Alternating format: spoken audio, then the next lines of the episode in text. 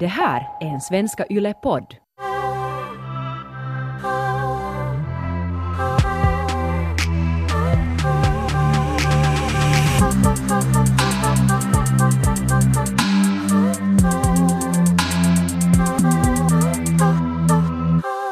Ronja, tror du att du vet vad kärlek är? En liten fråga. En lite, det är en pytteliten fråga. Um, no, jag, jag skulle säga att jag har en bättre aning nu. För jag inser kanske, eller jag har insett att jag inte har vetat det. Även om jag har varit en sån som blir jättelätt kär och jätteofta. Och ganska intensivt också. Hur, hur många gånger skulle du säga att du har varit kär? Mm. Ganska, alltså säkert, vet du, alltså så många att det är nästan sorgligt.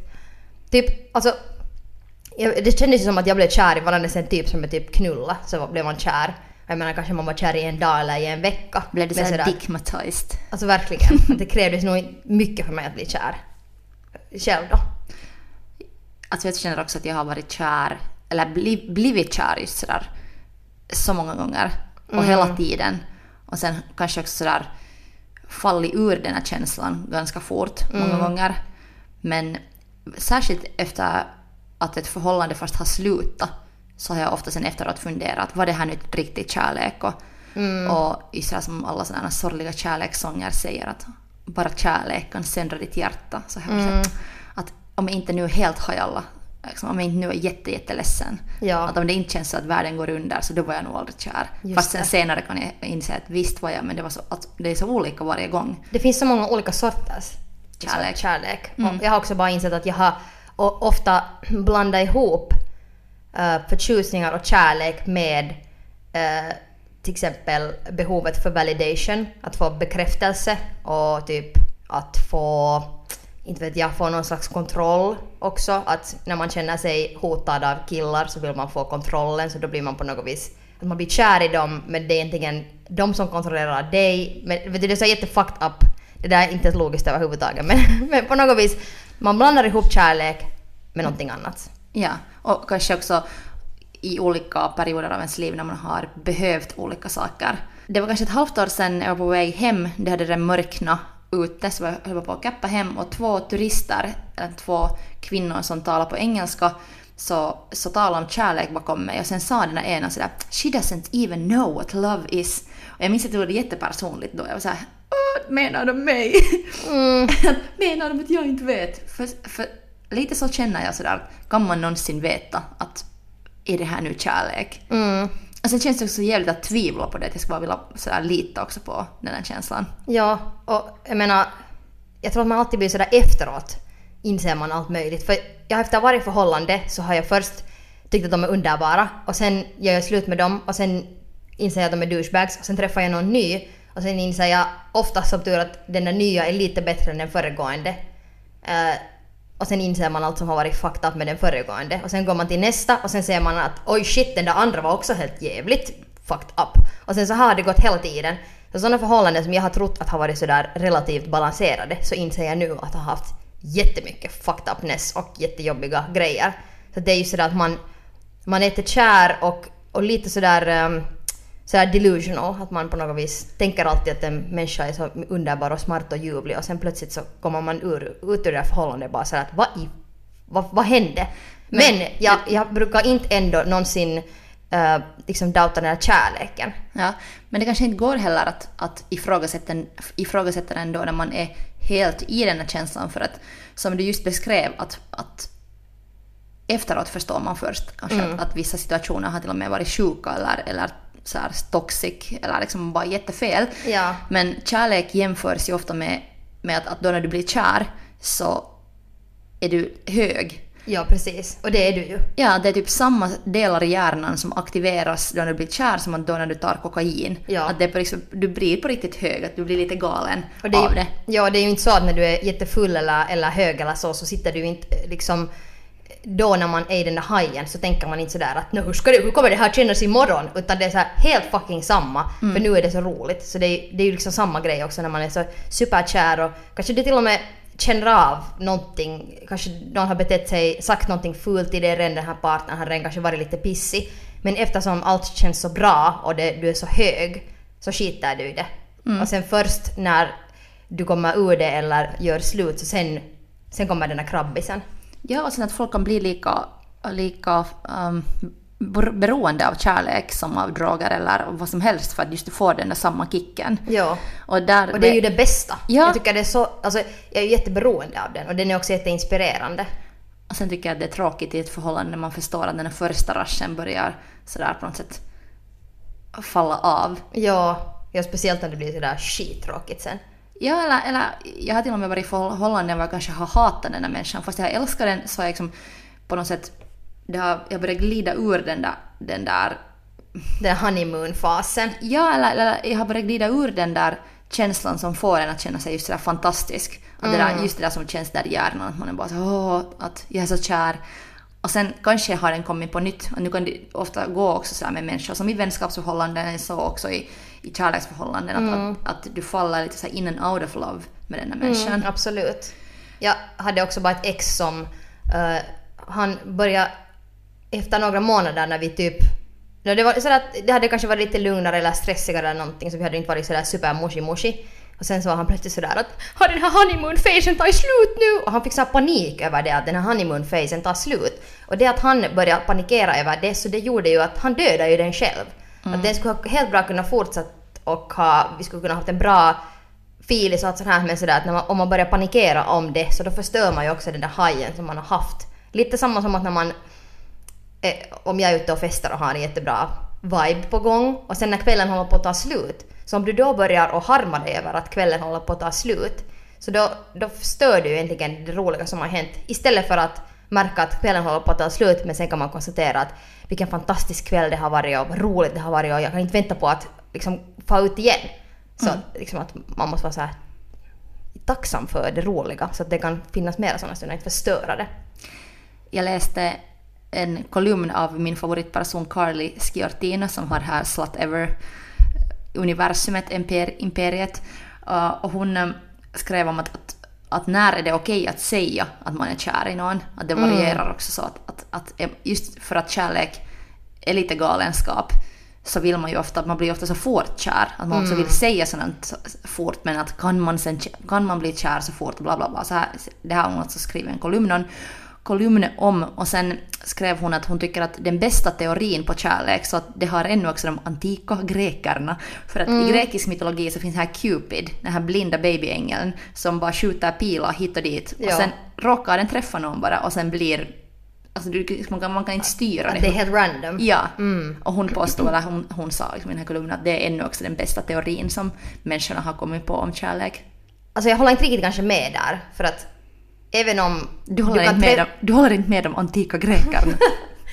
Men alltså om man tänker sådär att, att ja, klart att du kan träffa någon som är jättepassande för dig eller till och med perfekt för dig helt sådär av en slump.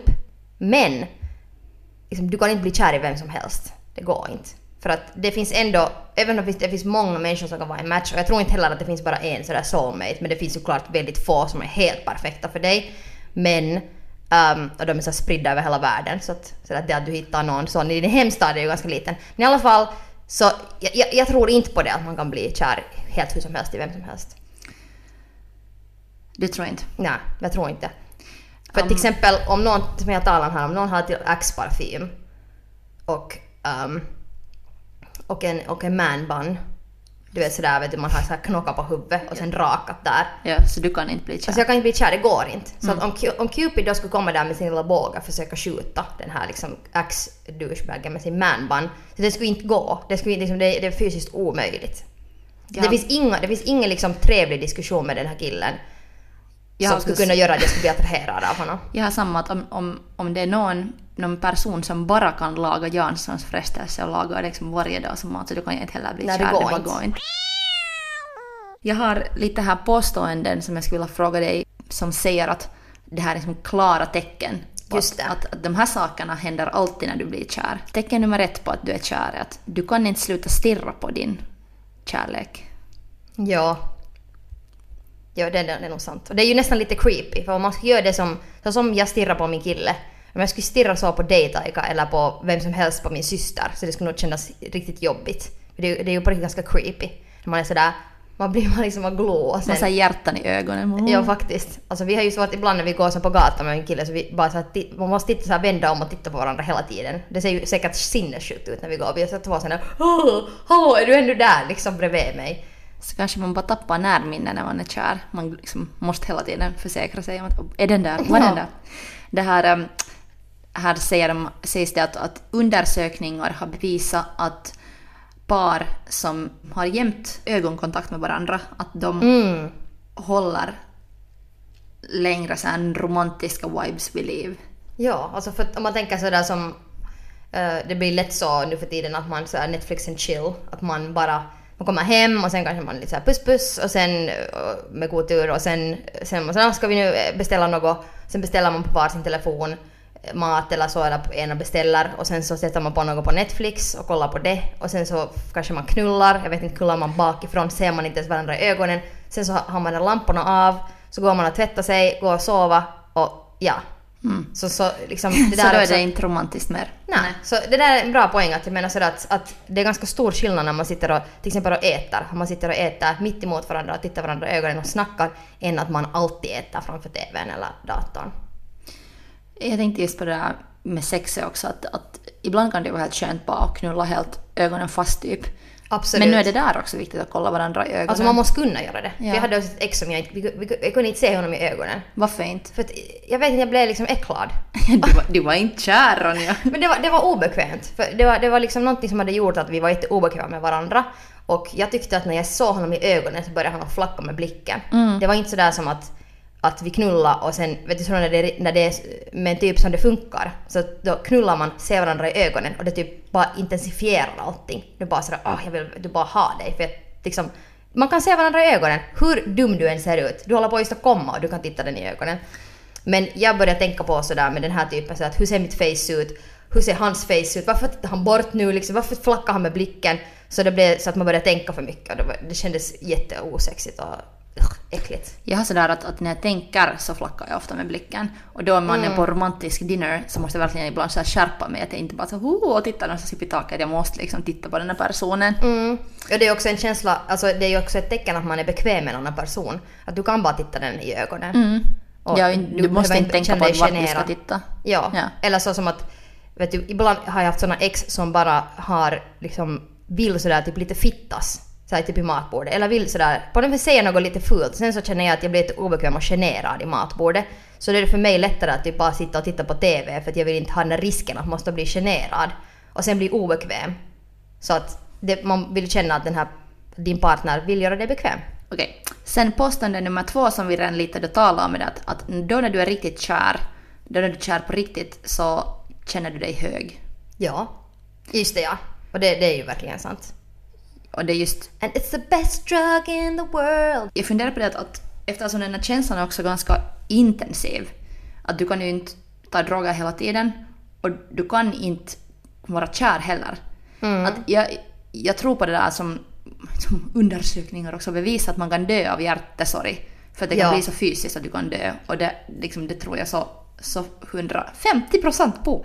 Så också här att, att om du är, om du är så superkär hela tiden så jag tror att det också kan döda. För att, Ja, för att absolut. Just, om du har den här liksom, du har den här high-moden på, Mm. så du kan inte riktigt sova, du kan inte äta, du kan inte tänka på något annat än den här personen. Ja. Du är ju galen då. Mm, absolut. Och det går att vara galen en stund, men sen att leva galen hela sitt liv, så då... Så tungt. Ja, det blir kanske ett kort liv. Eller, jag skulle vilja veta, har någon lyckats leva sådär förälskad i hela sitt liv? Mm. Och sen tänker jag också på det att, att när man tänker på sådana människor som till exempel vill festa varje veckoslut, vill ta massa kokain och vara yra på, men kan inte sitta i solen och dricka en kopp te, eller kanske inte i solen, dricka te, vad dricker den? Det dricker en, äh, vampyrer. någon, någon, ett glas saft. Och kan vara så att ah, det här är så, jag är i extas för så små saker. Och sam, på samma sätt så tycker jag att ja, jag vill ha mina high highs också i kärlek. Men jag vill också kunna njuta av små stunder så att man inte alltid jagar den mest intensiva känslan av kärlek. För det har jag gjort tidigare. Så att man har liksom, det enda som räknas är de där extremerna. Att det där liksom mest löjliga beteende. Medan det egentligen borde vara så att du kan njuta av både extremer ibland men sen också bara här små ljuvliga stunder som är söta och kivoga och de känns lika intensiva för dig som de där mest crazyga. Sen vet, vetenskapligt bevisat påstående att, att då när du är kär så tänker du på den här människan du är kär i hela tiden. Liksom hela tiden. Mm. Och fan vad det är stressigt. Det är, ju också liksom... Alltså, speciellt då i sådana förhållanden som jag har haft var den här personen inte har gett mig någonting liksom kreativt, någonting, liksom, något innehåll. Det har, bara varit, det har bara varit den här kärleken, men sanningen har varit den att de där typerna har varit jätteointressanta. Så sen är det ju så att du, du sitter och tänker på en typ som, du tänker bara på den här typen. Istället för att tänka på fast allt vad roligt man kan göra med någon partner eller annat skoj sådär att det blir en mera mångsidig obsession. Att du kan tänka på den där personen men också allt möjligt annat som har att göra med den. Ja, ska vi ha här ett så här love guru-tips att om ni måste vara jättebesatta av en person så var sådär mång, mångsidigt besatt. att, att satsa på att hitta en mångsidig person kanske då. Precis. Att någon som, någon som inte bara älskar dig hemma utan så här älskar dig liksom... Men just som du sa, att man kan Att göra... det ger jättemycket. Ja. Mm. För att kanske sådär, mina första förtjusningar någon gång, så det har bara baserat sig bara på att jag har blivit typ på lågstadiet, så att jag har blivit kär i den snyggaste killen i klassen. Ja. Och då är det ju mest att, att för att han är bara så snygg. Att jag vill ha honom för att han är så snygg. Och sitter och man bara ska- tänker på hans face. Ja, och sen skulle han, han, han vara min pojkvän och vara bredvid mig och göra mig till på något sätt sistig för att han är så snygg. Mm. Det handlar liksom inte om att vad allt vi kan göra tillsammans eller hur han, hur han har varit i mig utan bara för att han är så snygg. Men sen har jag nog också blivit så många gånger just kär i folk som inte, inte har på något sätt sett mig eller, eller gett mig någonting. Att jag, har, jag har blivit så här förtjust i det där att de inte vill ha mig, att det blir så en challenge. Att jag säger, Ja. okej. Och sen är jag så här, är det här kärlek? Att, för att sen har man bara så fort blivit förtjust i någon slags idé och kär till och med i den här idén. Ja, och sen när man inte får det så blir man på ett konstigt sätt sådär osäker.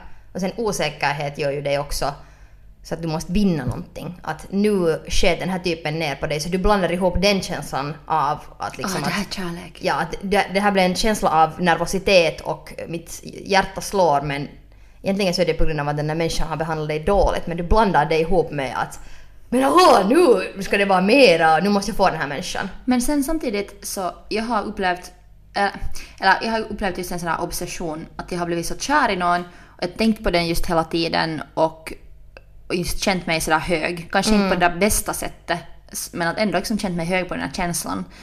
Och sen, sen har någon nära mig varit såhär att "Oj, det där är inte kärlek. att det där är liksom inte, det där är inte äkta kärlek. Så det har, ju, det har sårat mig också jättemycket. Att, det är inte och- för någon och- annan att säga. och sen fått mig att känna sådär att, att jag håller på att bli galen. För att om någon påstår att det som känns så verkligt för mig inte är verklighet. Att det som jag tror är kärlek, att någon annan är såhär nej nej det där är inte. Men så det, för vad det är inte så då? simpelt. Nej. nej, nej. Och, och det är ju det vi säger här med, med jag och Taika, kärlek är inte simpelt. Men det som jag skulle säga bara en grej om det där att när någon inte vill ha en, så det som jag ofta har upplevt är att, som senare har insett då, att uh, när en person inte vill ha mig, så även om jag inte kanske var så kär först så plötsligt blir jag kär för att den här personen, eftersom den inte vill ha mig, så i något fucked up, på ett fucked up sätt så blir den här människan bättre än mig. Om den är bättre än mig så måste den ju vara någonting att ha. Det vill säga det måste vara någonting som liksom, kanske sen också var någonting helt fantastiskt och fint. Men den har ju bara tryckt ner mig, så det gör ju inte egentligen den bättre utan det är jag som känner mig sämre. Så då borde man bara springa liksom upp i bergen. Att inte liksom tro att herregud, nej men plötsligt den här personen, herregud den är så fantastisk och intressant och kreativ och vacker och allting. Det är ju inte liksom alls det det handlar om. Men där har jag blivit förvirrad många gånger. Jag skulle vilja att det skulle finnas där någon sån här piller man skulle kunna ta som gör att man plötsligt inte är kär i någon mer. Det skulle vara så satans Ja. skönt. Eller någon sån här X-ray-piller, så att du ser sådär att vad är din egentliga attraktion? Att du Men- inte blandar ihop osäkerhet och allt det där utan just sådär att Men vad tänk- tycker du egentligen om den här sex skills? Hur bra var den att gå ner på dig? Det, tycker du verkligen att den är rolig? Och vet du, smart och allt sånt här. Och sen kan du liksom få veta. Men tänk om den där extramen bara ska säga så att ja, det här är äkta kärlek. Nu är det Cupid som har träffat mig i den här bilen. Att det går inte att, liksom, det går inte att förklara det här på något sätt på ett rationellt sätt, utan du är kär. Det, det ska vara ett helvete. Och vi avbryter det här avsnittet av I säng med Ronja och Taika för veckans hot. Taika, vad är fittigt hot den här veckan? Alltså att yoga. Nu Har du någon specifik yoga? Hot yoga? Nej, alltså efter att man har varit på festival och jobbat reven av sig och inte har till exempel råd med massage men har ett gymkort som har yogatimmar. Så är man far plötsligt på en yogatimme och sen är det på en yin-yogatimme och sen plötsligt öppnar sig ens kropp och allting börjar fungera igen. Så det är så hot för att man blir sexuell också på ett helt annat sätt. Yogatimme. Vad tycker du då att det är hot den här veckan Ronja? Okej, den här veckan så det som jag tycker är hot är keramiktimmar på, på, på Instagram. Det vill säga videon när människor så snurrar. Drejar heter det. Drejar, tack, tack Taika. Drejar olika skålar, vaser, muggar och kanske till och med lite så här eh, måste så här blöta armen för att lägga den så här djupt ner i en vas som man har lagat så här och sen drar upp båda händerna längs sidorna och gör någonting fint. Det är väldigt sexigt så. Mm, träning. Och tillbaks till podden. alla de här tecknen hittills då, om det är sådär att, att du känner dig hög, du tänker på den hela tiden, du tittar på den hela tiden så här. Mm, så de, de håller med, eller de känns sådär att... De är att ganska självklara. Ja, det här är kärlek. Mm, men sen den här nästa punkt här är att du vill att de är lyckliga. Så Mm. där kanske vi, man är, eller där kanske just en sån här sak som man ska tänka på, att till exempel i sådana förtjusningar som man tror att man är jättekär i någon och just vill ha den men den kanske inte vill ha dig, så vill du då att den är lycklig? Vill du, kan du kan, eller, eller man gör slut med någon, så många gånger önskar man ju bara att ens ex, just för att kärleken kanske du har slutat, att kanske man hoppas att ens ex skulle flytta till månen och, och aldrig, aldrig börja sällskapa med någon, leva ett jätteolyckligt liv på månen. Ja. liksom. och då, då är man ju inte kär i den mera. Nej, precis. Men att också i sådana förtjusningskärlekar så om man märker att man inte, inte kan leva med att någon annan är lycklig. Ja, man tänker liksom inte på det där att no, vart skulle det här liksom bära? Att vad vill jag egentligen och vad vill den här personen på riktigt? Att sådär, för det är ju, ja, att få vara lycklig är ju... Så varför, varför skulle man vilja vara med någon som inte vill vara med dig? Att det är så crazy att, att båda hållen. Att det är... Att varför skulle också en, liksom ofta sådär som många män och killar har liksom svårt med det här, liksom att förstå den här grejen. Om inte, tjej, om inte en tjej är intresserad så det betyder inte att du ska fortsätta harassa henne. Då ska du bara ge upp liksom. Att det, det är inte så att du ska försöka ännu hårdare. Och sådär att bara... Det är liksom helt okej också att någon inte vill ha dig. Att den får vara lycklig utan dig. Men jag har blivit så många gånger förtjust, första gången just faktiskt på lågstadiet sådär att, att jag har inte tagit nej. Att jag, Ja. bara, jag tänker fortsätta försöka tills jag får ett ja. Men det är ju också så här alla romcoms har bara fuckat upp oss helt totalt i sån här, ga- så här major rape culture. Liksom att vi ska bara... Om någon inte vill ha dig så försök hårdare. Och så är det ju på riktigt inte. Och det är jätteohälsosamt.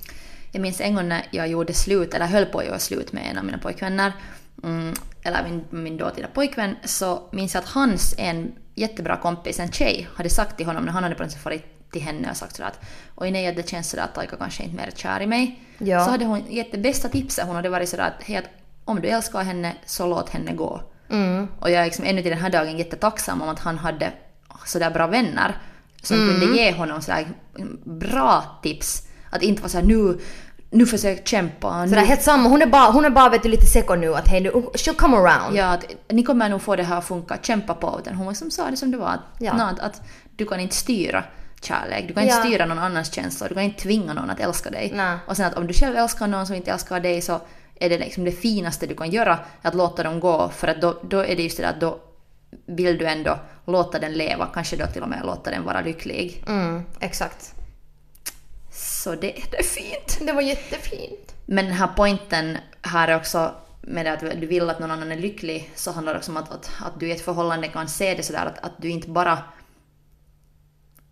värdesätter de där sakerna som du själv får må bra av i ett förhållande utan också det att, att hur en annan människa mår i sin karriär eller, Ja, eller små, små saker som du kan göra för den där andra. Ja, när man väl har fått den där personen den vill vara med dig. Ja. Så att man verkligen också tänker på dens lycka. För det känns väldigt vanligt och jag har varit med om det hemskt mycket. Att min lycka är jätteundervärderad. Och det liksom syns på många olika sätt. Små lyckor, lyckostunder och stora. Att är det sen att någon har varit hotad av min karriär eller sen bara inte liksom kunna förstå att ibland kanske det är roligt att göra en liten effort i vardagen och skriva små trevliga lappar eller, eller krama sådär lätt och försiktigt och så små söta stunder och människor glömmer lätt bort det. Uh, alltså Ronja, vänta lite. Vadå små söta lappar? Har du fått något post-it kärleksbrev? Nej men alltså, Har du hört om textmeddelanden? jag tycker lappar är så kivoga. Alltså lappar är bäst. Och hurdana lappar? Och typ, det kan ju vara brev, det kan vara kärleksbrev, det kan ju vara mer sådär att, alltså dikter och grejer. Eller sen kan det vara bara sådär vet du, man har kommit hem och typ den andra har en stuckit iväg och sen så sätter man bara en lapp på bordet där det står att hej, det finns yoghurt i kylskåpet, love you, eller någonting. Okej, jag tycker också om lappar. Nu Men- förstår jag vad du menar. Men det här var en, en grej som jag försökte förklara till mitt ex som inte eh, på något vis kunde förstå det att, att, att liksom att även om vi har varit på fina resor och gjort maffiga saker och allt sånt här och, och har en, fast en fin camper och allt sånt här så allt det där materiella och pengar och sånt här det har ingen fucking skillnad om man inte i vardagen eh, liksom vill hela tiden försöka göra den andra lycklig och försöka göra den andra glad och överraska och liksom att man verkligen jobbar hårt för att sådär att hur kan jag få min partner att smila idag? Liksom, Och sådana saker. Och det, det tyckte jag var lite så här störande att jag måste förklara om och om igen varför jag vill liksom ha sådana små grejer som gör mig glad. Och sen när, den, när man på ett sätt försöker förklara de sakerna och sen så är den andra personen sådär att "Nå, vad fan, vi var just på liksom Kanarieöarna i två veckor, fan vad du är otacksam. Men det handlar ju inte om det, men vi var ju bara där då, nu är vi här och nu, är, nu finns vardagen så nu måste vi också vara Gjorde du själv då sådana saker till honom? jag gjorde det i början, men sen så eftersom det var alltid så att det inte liksom kom tillbaks någonting, så sen så slutade det. Sen, men sen är det också sådär kanske att det, då kommer det också ibland bara till det att kanske man inte har en sån connection. Och alla visar ju kärlek på olika sätt, så jag behöver någon som hela tiden vill sådär vara kreativ och alltså hela tiden att man har hela tiden roligt tillsammans. Alltså det här med olika kärleksspråk är nog svårt för att för mig för mig för mig Alltså för mig är det så. Eh, Men att, att jag, jag har varit så confused i situationer där just någon fast, fast inte har varit så fysisk. Att, Ja. att dens, sätt, dens kärleksspråk är liksom inte fysiskt. Alltså antagligen, antagligen tror jag, eller liksom, jag går inte med på att, jag går, förlåt nu till alla som, som asexuella som lyssnar där, men jag tror inte på, eller okej, kanske jag måste bara säga så här, jag skulle aldrig kunna vara i ett förhållande där man inte till exempel ska ha sex. Ja. Att Ja men det är ju för att du är inte, du är inte asexuell. Så Ja. det gör dig så att du vill ha sex och Ja. beröring. Tack. Ja, och sen alltså just att jag har blivit kär i någon som jag har så här, det me- som jag har cravat mest är att jag har så här velat bara ha fysisk närhet så mycket, så mycket. Och sen, sen har den människan just så här köpt saker till mig, gjort små sådana, sådana överraskningslappar, grejer, öppna dörrar, bjudit på middagar. Men jag har varit sådär, det har, jag, det har känts som att han är något så glas som jag så studsar in i hela tiden för att, för att jag inte bara för jag, när jag försöker ta i honom, eller när jag försökte ta i honom så bara slank han undan. Just det. Det var så det, konstigt Det är jättekonstigt. Alltså för jag hade också ett ex som ehm, som alltid, varje, alltså alltid när vi liksom skulle kramas eller när jag stod bara någonstans typ sådär att och inte sådär att jag vet du hade ens klätt på mig, jag hade ju kommit ur duschen eller någonting. Och så vet du, kom han, kom han bara och liksom ta i mina bröst på ett sådant väldigt sådär vet du, bara såhär kläm kläm vet du, såhär som någon såhär honk honk vet du. Och på det mest osexiga sättet och samma när han kramade mig. Så Alltså, jag, får tycker, hen- alltså, jag tycker alltså det här är roligt. Okej, no, men det här var också, för mig kändes det här inte roligt med den här personen. Okej. Han genast for, alltså istället för att vet du, han tog aldrig i min midja eller mina axlar eller mina handleder eller så här, vet du, på olika ställen utan det var alltid bara direkt till tissarna eller reven och bara Okej. så klank klank och eftersom om han skulle göra allt det där andra så skulle det vara helt OK om han ibland klämmer sådär lite roligt på mina tissar. Det är ju inte sådär som att det är det mest förbjudna någonsin. Men det fanns aldrig någon spänning i det att mm, när kommer han månne ta i mina bröst eller min rumpa? För det var det enda han rörde. Så jag försökte förklara till honom att du måste liksom bygga upp till det här. Att du kan inte liksom bara klämma för det, det känns så osexigt. Att det, jag tycker inte om att du gör det här, det liksom, jag tänder inte på det. Och då kunde han säga att men jag ska få göra vad, man vill, vad jag vill till min flickvän, jag ska få ta på dina bröst om jag vill. Jag bara såhär bitch no, det har ingen fucking skillnad om jag är din flickvän eller inte. Du, det, liksom, det berättigar dig inte till någonting. Ja, att han äger inte din kropp. liksom. Speciellt om jag inte tycker att det känns bra. Så att poängen bara är det där att vad det gäller liksom att vad som leder till sex och beröring och sånt här som tycker jag är superviktigt. Att beröring ska finnas hela tiden och väldigt mångsidigt. För att sen, när, för mig så vill jag att det gärna känns så att sen när min partner tar i min röv eller mina bröst så då är det bara sådär, oh, vet du, det känns så bra. Ja, jag förstår vad du menar. Eh, Men jag förstår också den här honk-honk-killen. Jag, jag är lite sån honk-honk typ själv. Liksom, och det kanske handlar om att man är så awkward fysiskt ändå lite och awkward med sin humornivå. För att i något skede sa min kille, han sa det nog sådär att han sa det till mig med lite så här glimt i ögat, men han var såhär, förstår du att du måste nog lite liksom wooa mig, att du kan inte alltid bara sådär Ja, direkt på könsorganen. Nej, Kanske inte ens så, men så att, att jag har just så här hoppat på och varit såhär honk honk. För att jag tyckte det var skitkul. Och det var Ja. mitt sätt att skämta lite, men kanske han just har tyckt sådär som du, att, att då förstörde den den där eller då känner, det känns liksom inte bra för honom för då känns det inte så att jag, jag med respekt och så här sensuellt närmar mig Mm. Ja, det är honom. lite, man bygger upp till någonting. Ja. Ja, men, Men det där måste- är så, det är så vet du, Men då alla är så olika. Ja, och sen just det här med love language, att, att kanske någons love language är mycket mer sådär um, sensitiv och sensuell och någons kan vara mer så humoristisk. Mm. Precis. Att, att det är ju där som det kan hända ett problem om, om, det, om man fysiskt också talar man är inte olika. matchar för att Den sen... ena men- skämtar hela tiden, den andra är sådär jag ville ha R&B och, och ljus och Mm. rosor. Ja, för alltså vissa människor kan ju bli jätteobekväma med att någon bara hela tiden sådär långsamt och sensuellt tafsar på en och sådär vet du, när tänker du röra min röv? Liksom, Ja. Just do it already. Um, på den här listan står det också att, att då när du är på riktigt kär så känner du inte smärta på samma sätt. Att Mhm. om, om du är jätte, jättekär så fast om du faller på marken och slår ditt knä så det är inte lika farligt. Du känner inte den här smärtan så hårt för att du känner den här kärleken så hårt. Okej, intressant. Nu minns jag inte vad det var som ens hände. Eko ja, faktiskt ja. Nu, jag minns.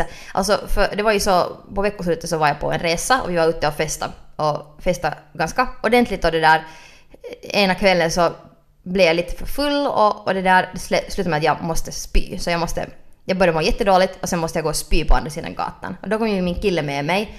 Och Höll han ditt hår? Ja, först var jag sådär, nej att jag, jag kan gå ensam, det är du behöver inte komma med. Han var bara, nej, kla- såklart att jag kommer att hålla ditt hår. Så då kom han dit med och sen så, så här pajade han mig medan jag nu sådär brutalt spydde där framför honom. Vilket kändes som, no, det tog vårt förhållande till en ny nivå när den har sett, andra har sett dig spy så. Jag skulle nog säga ding ding, äkta kärlekspoäng. ja. Men eh, det var ju inte alls roligt att må sådär dåligt och det var, det var faktiskt en sån, en sån session av så här fyllo illamående att det, det var inte bara en gång att jag måste spy sen ännu en gång till och jag mådde jätteilla.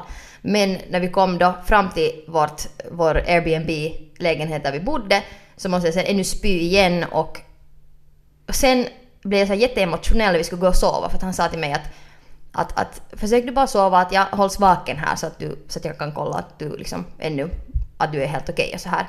Sen började jag bara liksom att bröla för att jag blev så, Rörd. det var så rörd att, att när han tog hand om mig så bra så det liksom, det- jag tyckte som på ett sätt om fast jag mådde så skit och det var så äckligt och jag var, det var inte alls roligt men sen ändå var jag bara så att det här är så, det är så, det känns så bra när någon tar hand om en. Så där kändes ju inte min, mitt fyllospyende alls lika farligt för att han tog hand om mig. Och nästa dag var jag bara så att det var nästan lite roligt att få spy och må dåligt för att du tog hand om mig. Ja. Har ett bra tips här är så att nästa gång du ska gå och ta en tatuering så lönar det sig alltså att ha en bild på din partner med dig. För att om det tar ont så kan du bara titta på den här bilden. Att känna Aha. kärlek så känner du inte det här. Och jag har ju sagt att jag tycker att bikini, sockring och vaxning är värre än tatuering. Så nästa gång jag får på sockring så tänker jag ta en bild på min kärlek och titta på den här bilden. Alltså verkligen, det här är ju jätteintressant för att klart att det känns roligt när ens partner tar hand om en när man spyr eller när man har feber eller så här. Men att det verkligen, när det är en smärta som inte är relaterad till den här partnern på något vis, du slår din tå eller du tar en tatuering eller blir vaxad i fjossan så det här ska vi testa. Japp. Nå, då kommer vi till den här nästa poängen som vi just talade om, att, att då när du är riktigt kär så är du okej med din partners, din kärlek, så här äckliga grejer. Mm.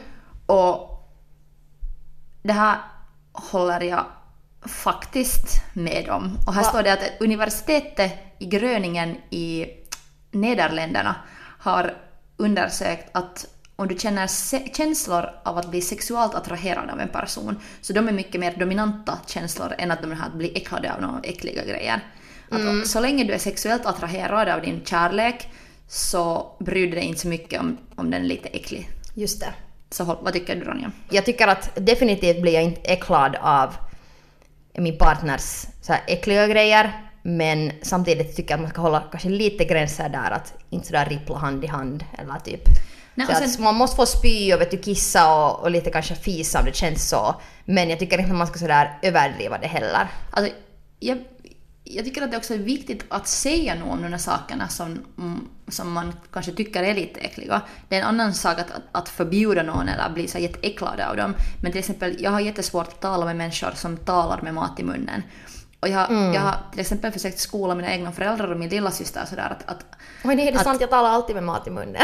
Okej, kanske jag älskar det för jag har inte märkt det här. eh, för, att, bra. för att kanske inte älskar min familj. Nej men jag försökte lära dem sådär att när de så ofta talar med mat i munnen så var jag såhär va? Va? Att liksom började leka sådär att jag inte hör vad de säger. Så sen lärde de sig, de lärde sig att man Bra måste först svälja. Men min kille blir så sårad av det här. Han liksom tycker att, att det är inte okej, jag får inte vara hans mamma. Att, han, att jag får inte sätta sådana här regler. Att han, han blir liksom sårad. Han tycker att det är rude. Han, han, tar det, han tar det som tecken av att jag inte älskar honom.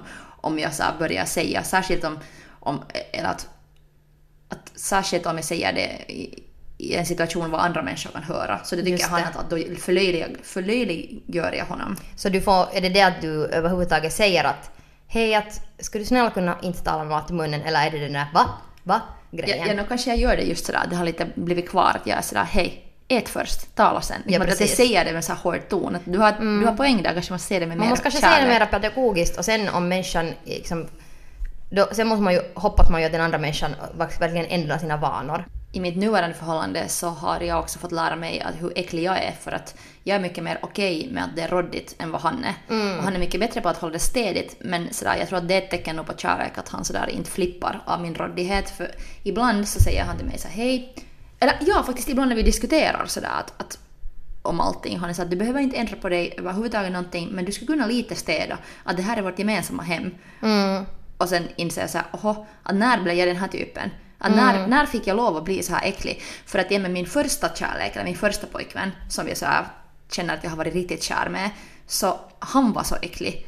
Men sen lät jag honom vara det för att jag älskar honom. Att jag, förs- jag försökte nog få honom att lite städa men, men först efter att vi hade gjort slut och vi ännu måste bo lite ihop, så då märkte jag liksom att, att hur långt det hade gått. Jag minns när han åt någon nachon i sängen och sen dippade han, säkert just såhär dubbeldippa för fan, och sen, och sen hade torkat sina taco, alltså salsa-händer i gardinerna och det var liksom, det var så att mina vita gardiner, så då var jag sådär vi har gjort slut, vår kärlek är slut, att nu, det här är inte okej mera. Ja. Du kan inte torka dina tacohänder i vår gardin, där går gränsen. Där slutar kärlek. Ja, och det, det är också där att, att man måste, man måste liksom sådär vilja också, för jag, jag är ganska råddig också. Så att jag, man måste, jag märker att jag, måste liksom bara, vissa saker måste man bara så kämpa med, att vara liksom städigare. Men jag tycker att det är så superviktigt att, att, att man måste vara sådär, ha tålamod med sin partner. Vi var på um, en kompis landet och så var där då två kompisar som då är sådär tillsammans men de är ändå kanske inte tillsammans. Vi vet inte liksom riktigt vad deras status är, de är i sån här limbo. Men, um, men de var där och hade nu valt att komma dit tillsammans då. Det var ändå bara några kompisar där men de tyckte nu ändå att de kan vara där liksom tillsammans. Nå anywho, så sen var vi där och under hela det där veckoslutet så höll de på att kommentera på varandras liksom, olika sätt. Sådär typ att äta med mat i munnen eller eh, liksom olika så här kommentarer som någon annan hade sagt och de höll på och sådär liksom nitpicka, alltså så här punktknulla på varandras beteenden på ett väldigt så störande sätt. Att de, de var inte sådär vet du, fräcka mot varandra. Det är ju inte bara ett oeffektivt sätt att få någon att ändra sina vanor för att det blir så, så här barnsligt och toxic att det på något vis blir sådär, den andra blir ju nästan mer bara defensiv av det om man så fittas. Ja, eller ledsen. Eller ledsen och ännu mer det såklart. Men när det har gått till en, gått till en liksom sån punkt att, att man hållit på så där länge så sen blir man ju kanske nästan immun mot det. Att, att okej, det här är inte kanske så kiva att behandla varandra så här. Men sen, sen så går det ju ut över vänner och så här. Ja, jag minns jag var, jag var medlem i ett så här kompisgäng länge var. Plötsligt alla andra hade parat sig, men jag var en av de enda i det där gängen som ännu var singel. Och så firade vi midsommar en sommar och jag minns att jag blev så störd på alla tjejer under någon middag. Eller nästan alla tjejer. För att så många tjejer i det där gänget som annars jag tycker så mycket om, så blev jag sådär helt hemska flickvänner. Att under den här dinnern så på grund av saker som jag då säkert inte har någon aning om för det är mellan de här parerna, Mm. deras liksom egna, egna jargong och kemi och allting. Men att, att just det att, att, att framför alla andra på något sätt pika eller försöka på något sätt eller bli störd på den där andra. Ja. Så jag minns att, att det blev så, så sådär Det är så obekvämt. Jo, det blev så jobbig stämning och sen var det så lätt för mig att fast jag oftast tar alltid tjejens sida och är sådär girls girl så kändes det under den där dinnern att jag så oh, att alla mina kompisar är så jobbiga flickvänner. Ja, och det är så... Mm, och, Att, att just att inte kan, för de där killarna var sådär uh, att och sen de, de tog inte de där fighterna under den dinnern. Att skulle de där killarna ha svarat på de där pikarna som de där tjejerna höll på omkring och slänga hit och dit, det skulle blivit helt sjuk dinner, det skulle bli så värsta gräl. ja, alla ska börja gräla. Men så var det så att, att de här killarna mer bara så här, blev just ledsna och svalde den. Och där känner jag att så där blir min kille också när jag just jag sådär svälj först liksom. Ja. Att, att in- inte orkar har ju börjat skrika. Kan du tvätta händerna för du skär den här löken? Ja, ja. Att då, då är det nog där så här, choose your battles. Ja. Att, att ja, du kan bli störd men du måste liksom ta en liten stund och fundera. Att, eller ja, ja, det här är ett tips för mig också själv att, att fundera att är det här någonting som jag måste nu bara lägga på minnet, det här stör mig, vi måste tala om det här någon gång men inte nu och Ja, särskilt inte framför inte, andra. Och inte framför kompisar. Jag tycker det är så inte cool. För att varför måste man göra det framför andra människor? Det förstår jag inte. För då är nästa point på den här listan att om du är riktigt kär så älskar du den här personens sådär unika konstigheter. Och jag tycker att det här går ganska hand i hand med det där att, att också tolerera eller bli till och med kanske immun mot en partners äcklighet. Ja. att man bara älskar den så mycket så de där kärlekskänslorna och sexuella attraktionskänslorna är så mycket starkare. Och sen att till och med de konstiga sakerna som då om du inte tycker om en person så kanske de där konstiga grejerna en person gör som gör den just den här personen kan äckla dig, du kan bli störd, du kan bli som, just sådär att usch, jag måste vara långt ifrån den här människan. Men om du är kär så är det just den där saken att man är så oh my god, så gulligt att just hen snarkar sådär. En av mina bästa kompisar, så hon har haft en ganska intensiv kampanj att, att berätta för min kille hur mycket jag smackar. För att hon tycker att det är så otroligt störande. Så hon har ju bara liksom sagt till honom om och om igen sådär att, att jag vet inte hur du kommer klara av det här Ronnys smackande. Att jag är liksom jätteledsen för din skull men det nu bara är så här och det är jätteäckligt och hon gör det. Han, hon har lite så här till och med brainwashat honom att liksom kom ihåg det här smackande sen. Förlåt, men vad, vad är smackande nu? Alltså smackande är när man så här smackar med, äter med munnen öppen. Ah, Det är att smacka. Ja, ja, ja. Men du gör det bara när du äter då eller? Ja. Alltså jag har svårt att hålla munnen fast när jag äter. Oftast. Ehm, men trots det här så har ju min kille nu han, liksom, han älskar när jag smackar. Och han, liksom, min, min kompis kampanj har då inte alltså fungerat. För, att, för honom har det ingen känsla, han tycker att det bara är sött. Han är då antagligen kär i dig för att här står det att, att, ähm, att man har undersökt att de här små sakerna som är sådär konstiga, så små konstiga saker som en person gör, så det är just de som, som ofta påverkar också att den här personen som blir kär i dig blir extra kär i dig. Det är så cute! Och det är så, därför jag tycker det är så synd att man blir, eller att om man är hemskt länge tillsammans med en person som egentligen är en dålig match för dig, som we've all been there, speciellt jag. Alltså du är så länge tillsammans med en person som inte förstår de här grejerna, eller kanske är kär i dig på ett sånt sätt som är hälsosamt. Så då, så småningom så kanske du vet, du försöker börja ändra de här vanorna som egentligen är jättecute, som någon annan ska uppskatta, men den här personen gör det inte för att ni är inte gjorda för varandra. En punkt på den här listan är också att, att då man är riktigt kär så ens hjärta börjar synkronisera sig med den andra människans hjärta. Ah, ja. Era hjärtan börjar slå sam, på samma takt om ni är med varandra. Och På riktigt? eh, något så här påstås det. Okej, jag man har, unders- att man har undersökt, undersökt nykära människor och att de hjärtan på något sätt synkroniserade. Ja. Men att, att jag tror att där, om det stämmer så härligt, eller på något sätt romantiskt, men som en metafor tycker jag att också det är på något sätt fint. För att, att just att bli riktigt kär med någon handlar ju ofta om att, att den människan förstår dig och du förstår den, att, att just som jag sa, att, att då när du är en, ensidigt förälskad så är det ju alltså konstigt för bara du delar din verklighet, ingen annan riktigt förstår dig. Men då Ja. när du blir kär i någon och den är kär i dig så ni förstår varandra er verklighet, ni delar den så då är det på något sätt riktigt verkligt. Och om man inte förstår den andra så ska, tycker jag att, att man ska märka att den andra vill förstå. Att det verkligen kämpar att försöka förstå vad du menar. Ja, och där kommer vi, tillbaka, den är. där kommer vi tillbaka till den punkten att, att då när du är på riktigt kär i någon så vill Mm. du att den är lycklig. Och det där att du berättar om någonting du behöver handlar om att vad du behöver för att känna dig lycklig. Så om den andra människan älskar dig så vill den göra dig lycklig, alltså vill den